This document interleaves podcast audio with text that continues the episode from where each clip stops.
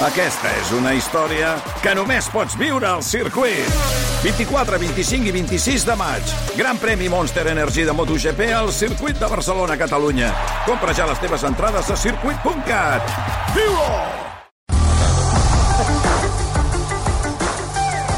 Bé, ja ens acompanya el Toni Muñoz, periodista de successos i tribunals de La Vanguardia i col·laborador de rac Toni Muñoz, bona tarda. Bona tarda. Començarem Hola. amb un tema que ha coincidit, que és ni més ni menys que Àngela Dobrovolsky, la... mm, Ara ho estàvem discutint, si exparella Veure, Estem casats, parella. però podríem dir que és exparella, Bueno, no? doncs, ex- sí, bueno, en principi sí.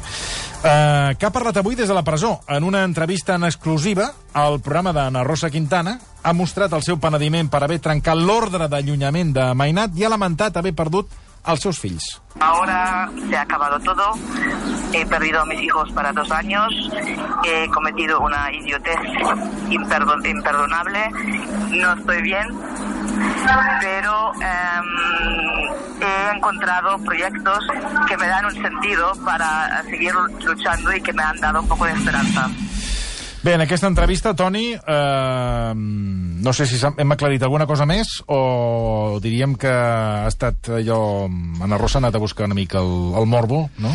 Bueno, ha anat, cas- ha anat cas- a buscar el personatge, no? És a dir, Angela Dobrovolsky, des que va entrar a la presó el passat mes de gener, recordem, per trencar l'ordre d'allunyament que li havien dictat en contra de... Bueno, la última, si no recordo malament, era que intentaven entrar ella i la seva... Bueno, i el... El amante. Bueno, Presunto. un noi que Sí, no sí, recordo el nom. el seu nòvio. Gabriel. Intentaven entrar per tercera o quarta vegada, perquè ho van fer durant dos o tres dies seguits, a la casa del Mainat a Canet.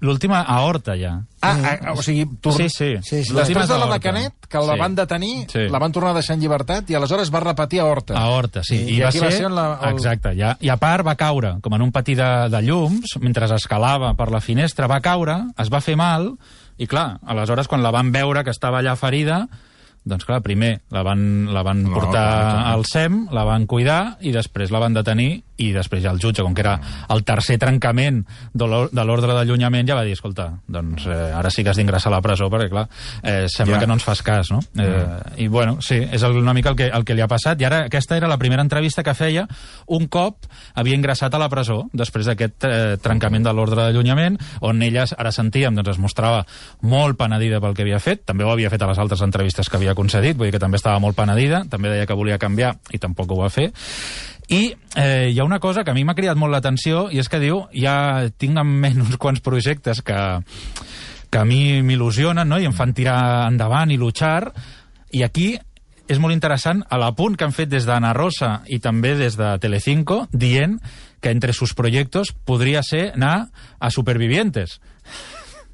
Quina metàfora de... A- a Supervivientes. Quina metàfora d'Àngela Dobrovolsky, no? Sí, sí. A Supervivientes. Sí, sí, que ells mateixos s'havien ofert a la productora Ah, juntament al Gabriel aquest i, Ah, el Gabriel, el Gabriel i, i aquesta Àngela s'havien ofert per anar Doncs no a, a Supervivientes. bueno, però Àng- l'Àngela Dobrovolsky encara està pendent de judici, no? Clar, ella està pendent de judicis de la causa gran, diguéssim, del Sí, sí, de suposat que- intent d'assassinat de de, Josep Maria destapar Maina. a La Vanguardia. Sí, Sí, sí, i estem pendents de, doncs, en fi, que acabi aquesta instrucció, s'assenyali la data pel judici i veiem a veure com acaba tot. Josep Maria Mainat sempre ha dit que vol que s'aclareixi realment què és el que va passar, que no li vol cap mal a la seva exdona, que no és la mare dels seus fills i que, per tant, vol que segueix, segueixi doncs, a, a prop, però que s'aclareixi exactament què és el que va passar. Bueno, i d'aquí s'ha fet de... explicat de qui s'ha fet amiga, no?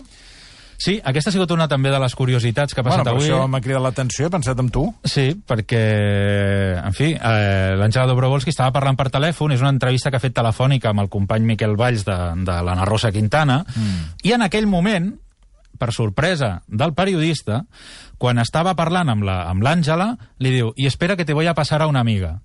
Li passa una amiga i diu, eh, hola, soy Rosa. I el Miquel diu, què Rosa? I diu, Rosa Peral.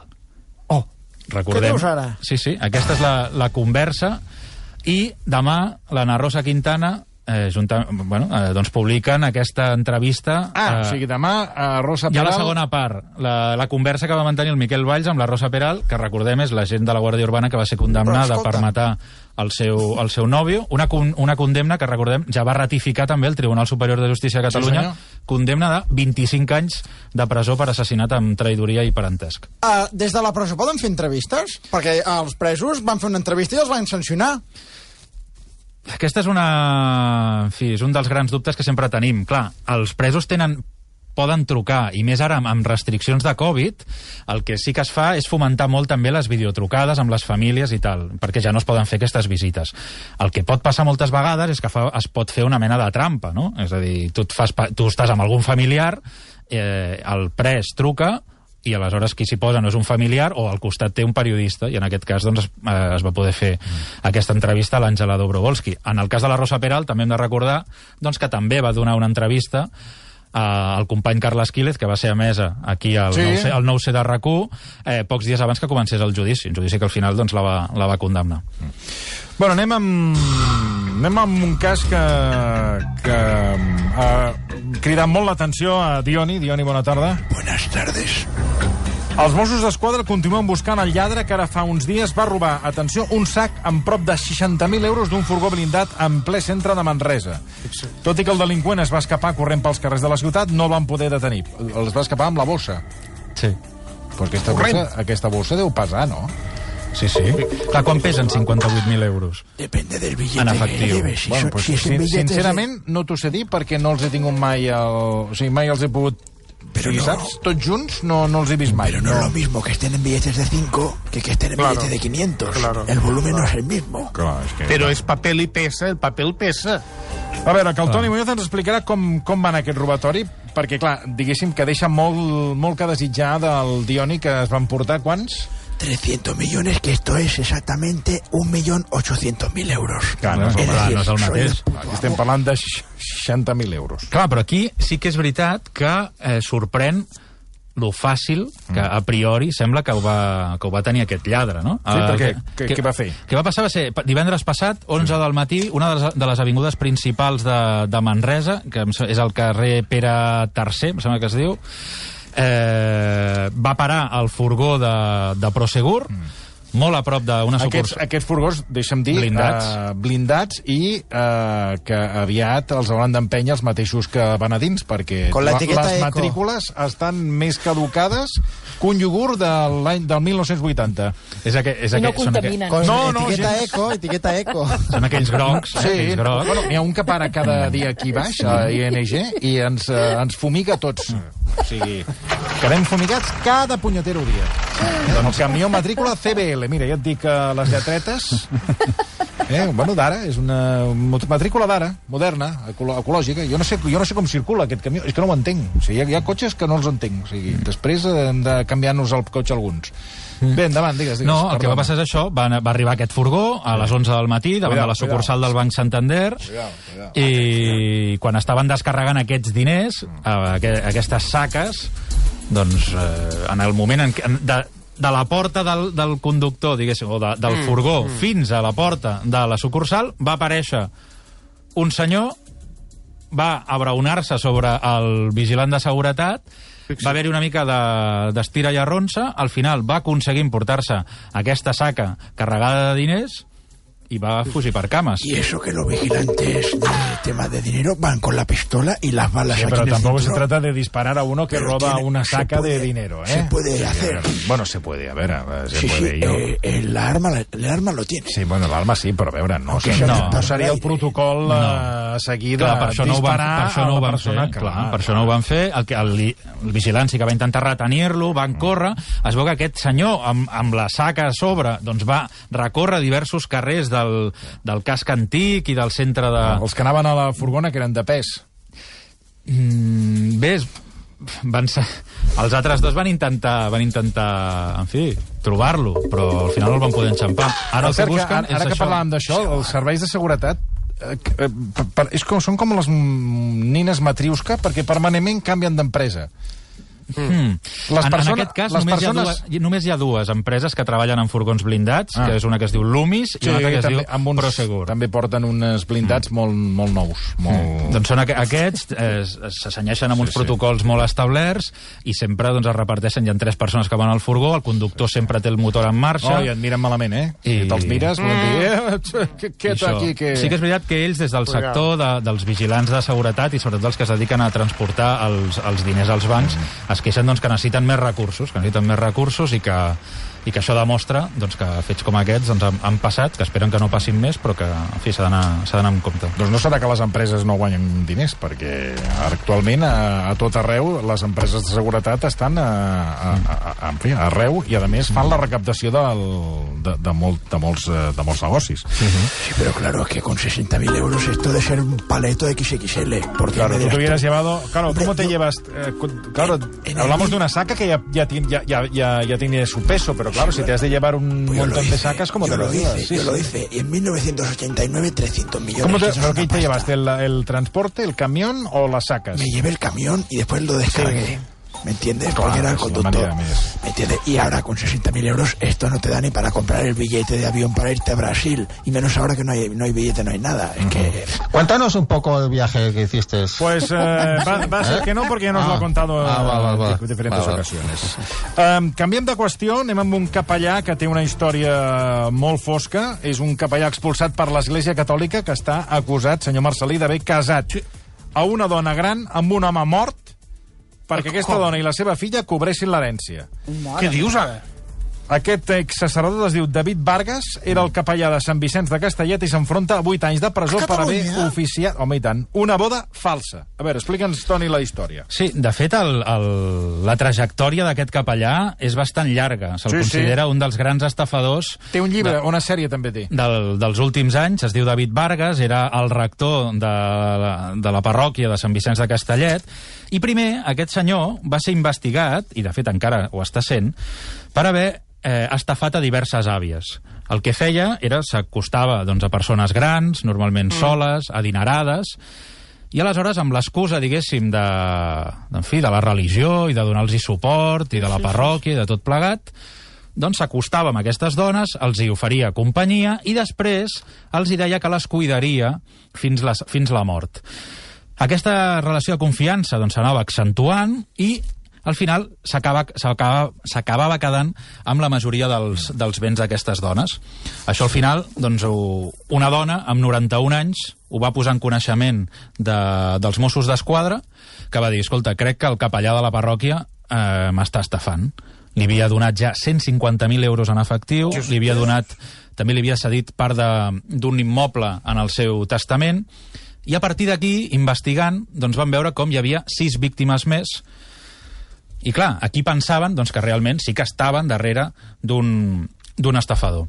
Això va ser el novembre del 2019, eh, un cop van tenir certes evidències, doncs el van detenir amb aquest senyor, però un cop el van detenir, el senyor va dir, mira, jo us ajudaré a la investigació, col·laboraré amb la justícia i, per tant, tot el que m'hagi pogut emportar o si creieu que ho he fet malament, doncs jo retornaré tots els béns que, que I, tinc. I com que ho deien un capellà, se'l van Mm, creure. Clar, home, esclar. Van descobrir que aquest senyor tenia sis propietats, quatre habitatges a Sant Vicenç de Castellet i un pàrquing. És que, perdona, quan vaig escoltar aquest cas, que l'altre dia el mencionaven al 324, mm. és que vaig quedar estupefacte. Eh? Sí, sí. O sigui, eh, o sigui eh, eh, és, un, és un, un senyor, o sigui, un jeta amb molta pasta, eh? amb molta pasta. I ara espera't, perquè aquestes sis propietats que et dic que té, o que tenia, totes les havia aconseguit cedides per aquestes dones grans a les quals enganyava. Val? Però és que després d'aquesta promesa de col·laboració als Mossos d'Esquadra i que el deixessin en llibertat amb càrrecs, no? Igualment, li van mantenir el telèfon punxat. I van dir, saps què? El seguirem investigant perquè aquest, aquest senyor doncs, no és aigua clara. I el que va passar és que, gràcies a la, seva, a la intervenció telefònica, van veure tots els contactes que encara seguia fent amb una certa gent, amb, una, amb unes àvies, i després també amb un altre capellà d'una altra parròquia, que el considerava, diguéssim, el seu fill, que tenia molta, molta confiança, i aleshores van posar el focus sobre aquest senyor. El van cridar a declarar, i sembla doncs, que al final va cedir, va confessar i va dir a mi el David m'ha deixat tres maletes que les, li guardés en un, en un magatzem i, si voleu, doncs anem a veure què, què és el que hi té. A priori no volia ensenyar que li havia donat aquelles maletes, eh? Quan van anar, van anar a un magatzem, van trobar en aquelles maletes 3,5 milions d'euros, que eren... Què dius ara? 3,5 milions d'euros que eren I, això, i això, que amagava aquest senyor. aquí a Catalunya, això, eh? Un cop van descobrir això, aquest capellà el que va fer va ser intentar treure's la vida, va anar a la ronda de dalt, es va llançar per un dels ponts, amb tan mala sort per ell, que volia acabar amb la seva vida, doncs que va caure al sostre d'una furgoneta, no, es, no es va matar, es va trencar Però una ara, mica... perdona, quin capellà? El de les maletes? No, no, l'altre, l'altre. Ah, el, el de l'Imp Vargas, l'estafador. L'estafador. El que va fer, va- quan es va veure descobert, Es va anar a suïcidar. es va anar a suïcidar, va caure al va sostre caure d'una- malament, va caure malament. va caure malament, es va trencar un turmell, el van hospitalitzar i un cop li van donar l'alta, el van detenir. I després, Això va passar, ara m'ha- vingut al cap un cas Sí. de dos filipinos, te recordes? Sí, sí, Que va dues- també un va, va assassinar l'altre i va anar-se a suïcidar en aquella no, aquest, època. aquesta persona va assassinar també una, una dona d'una sucursal bancària Ah, exacte, al matí. que, es, perquè- que es va escapar i es va anar, es va anar a llançar al, al que abans era el viaducte de la Sí, Via Augusta exacte. i, i va caure i, i no, no, no, també va caure malament Vull dir, és allò que, que fi, fan mal i a sobre? Sí, sí, i a sobre després... sí, sí, fan mal als altres. Sí.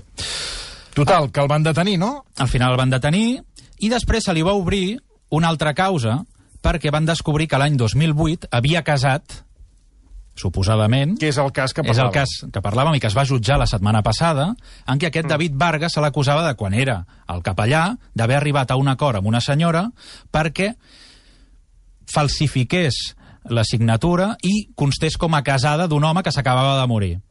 Per què? Per cobrar l'herència. Sembla ser... Doncs, Però que- qui cobrava l'herència? la dona. Però se sospita que aquest senyor també s'emportava Hi ha una alguna comissió. Alguna No, comissió. clar, clar, gratis no ho farà. Clar. Aleshores, eh, el que sembla ser és que això és la, la, la tesi de la fiscalia, el senyor Però, amb el Betonero. mort, però els va casar amb el mort al davant? Això, No, això. Home, el mort No. al davant no. Ah, Vostè, sí, el que ell diu és que... Vostè, perdoni, ara vaig... Sempre eh, al punt extrem. perdoneu. Bueno, a veure... Massa, doncs, massa aquí- llegir el caso, ja li diré. El que, Bueno, diu aquest, que, veure- el, el que diu aquest senyor és que els va casar en vida, però que va ser una cerimònia molt discreta i que fins i tot no van fer ressonar les campanes com, com Per si no- per normalment no es- molest- per no no- molestar ningú, per no despertar el mort. Per una qüestió de discreció. I que van comptar amb, com a testimoni amb la filla d'aquesta dona que els hi va donar, diguéssim, la signatura del testimoni, els va casar i ja està. Aquest, aquest senyor, cinc mesos després, va morir. L'altra tesi és, no, no, aquest senyor aquesta Ja parella no estava, eren parella però no estaven casats i un cop ja estava mort per demostrar doncs, que podia cobrar l'herència i que tenia dret a això el que va fer va ser falsificar el, el... Bueno, però això, mira, aquest, aquest punt encara te'l podrien entendre. Perquè, clar, Per què? no, home, perquè, clar, si són parella però no s'han casat i aleshores han estat parella i la senyora queda amb unes Bueno, dificultats la econòmiques... pensió, i la pensió de viudetat. Clar, puc entendre que li digués al mossèn, escolti, em passa això, Sí, vostè no, arreglem-ho, no, no, arreglem-ho. no li faria res arreglar-ho, i el mossèn, amb bona voluntat, aquí sí veig... Aquí el podríem Home, salvar. però si ha cobrat, no? Bona voluntat, No, aviam. per a veure... eh, Bueno, bueno, això ho diu vostè, Aquí, no, això no se sap. eh, no ho sabem si va cobrar o no cobrar. Mm. Això no ha quedat demostrat. Mm. I, I, és més, quan tu demanes els serveis eclesiàstics també cobren, eh? Mm. No I t'ho tant. no t'ho fan gratis, No, ja, això, de sí. casar-te i el bateig i tot això, no t'ho fan gratis, Ah. no t'ho regalen, eh? A veure, has de, Home, a veure... has de passar, eh? I si et vols separar, per l'església hi ha aquells d'allà de... Com es diu La allò? rota, la rota. La rota, que allò, allò és... Uh, Tribunal. vamos, Què és la rota? No sé què és. El Tribunal Home, de la Rota. Tribunal de la el Tribunal de la Ah. Rota. Si tu et vols separar, Sí, ja tu t'has casat per l'església, i aleshores tu et vols separar. Perquè mm -hmm. vols Per separar, l'església. doncs, Per l'església. Llavors aquí entren uns tribunals i finalment... Ah, però és per, com per, per, per anul·lar el, el matrimoni bueno, perquè, tu, eclesiàstic. perquè tu et puguis Sí. sí. tornar a casar per l'església, perquè si Ah, no, no pots. no pots, No pots, no pots, casar. no Exacte, pots. Llavors, has- tot això passa per la rota. Eh? I, a veure, et parlo de fa, doncs què et diré jo, uns 15, 20 anys, conec casos Sí. que demanaven Què demanaven? de, doncs, d'un milió, dos milions de pessetes. Sí. Demanen el, que- el primer que els rota, ja ho diu el nom. Llavors ells miren el cas, saps? Sí, I en i funció diuen- de... sí, en sí. funció de, bueno, del cas, eh, per, per exemple... Del doncs, cas. el, Per exemple, el, el, cas. el, el, el matrimoni, no, el- l'excusa, en No funció s'ha de l'excusa, el matrimoni No no s'ha s'ha consumat. consumat, el meu marit... Doncs no sé. Sí, eh, Ahora tiene como tiene la prisa de gato. Corazón. Bueno, aquest no seria un cas. Pues yo sé que lo había como Bueno, excusa, és igual, S'ha d'argumentar, aleshores t'anulen el... Però... Ah. Llavors entenc aquest cas que el mossèn digués mira, perquè cobri la senyora que se li ha mort el marit i no Claro. estan casats, doncs jo els hi faig el favor. Mm. L'herència eren Sí, tant. 500.000 euros. Bueno, esclar. Ara, mira, a veure, tot ajuda, eh, per tapar forats. Home, perdonin. I tant. Home, ha de ser un forat molt gran, eh? clar, per tapar forats, tot ajuda, nena, que I tant. està tot molt car, eh? De tenir-los a no tenir-los, Home, perdoneu. ara, nena. Ara. Deixa'm dir doncs, que Sí, home, tant. sí, aquesta, aquest sacerdot eh, en els últims anys ja no exercia perquè havia estat expulsat l'any 2013 perquè havia aparegut a les xarxes socials en una fotografia nu amb, amb un altre home. Vaya, ¿qué me está diciendo? Pero, pero, pero vamos. A veure, Muñoz, o sigui... Ara, has fet, ara ja no podem fer cap tema més perquè ho has rematat de tal manera que has fet has fet, o sigui, has fet com el Barça ahir. La o sigui, cúspide. Has, acabes de matar el partit. O sigui, ara ja... Sí, sí, sí, sí, el repico. Has fet el repico. Ara això t'ho has deixat pel final i ens has deixat Bueno, és així el cas. en cara de mussol. Hem quedat... És, és així, és així. El van fer fora. No, però és així, és així. Però estava del capellà en un poble, no? Bueno, Sí, ja, bueno. ja, sí, home, però a veure, ara què, què descobreix vostè també, eh, senyor Virgili, que l'Església hi ha un grapat de casos d'aquests, eh? Vols Sí, sí, dir? i, home. clar, i amb una fotografia, eh? Pero qué Que maravilla. van penjar a les xarxes socials. També molta vista al mossèn penjant la fotografia a les xarxes socials. Igual no lo sabía. No, Ja, potser no ho sabia, a No saber. ho sabia, no. No, però fan muntatges, fan muntatges. Sí, sí, sí, una no- càmera loca. Sí, sí, li van retallar el cap i li van enganxar amb un cos. Sí, sí, no s'ha fet mai això. Toni Muñoz, moltíssimes gràcies. Adéu, bona tarda. Mira, amb el Toni Muñoz hem arribat a les, a les 6 de la tarda.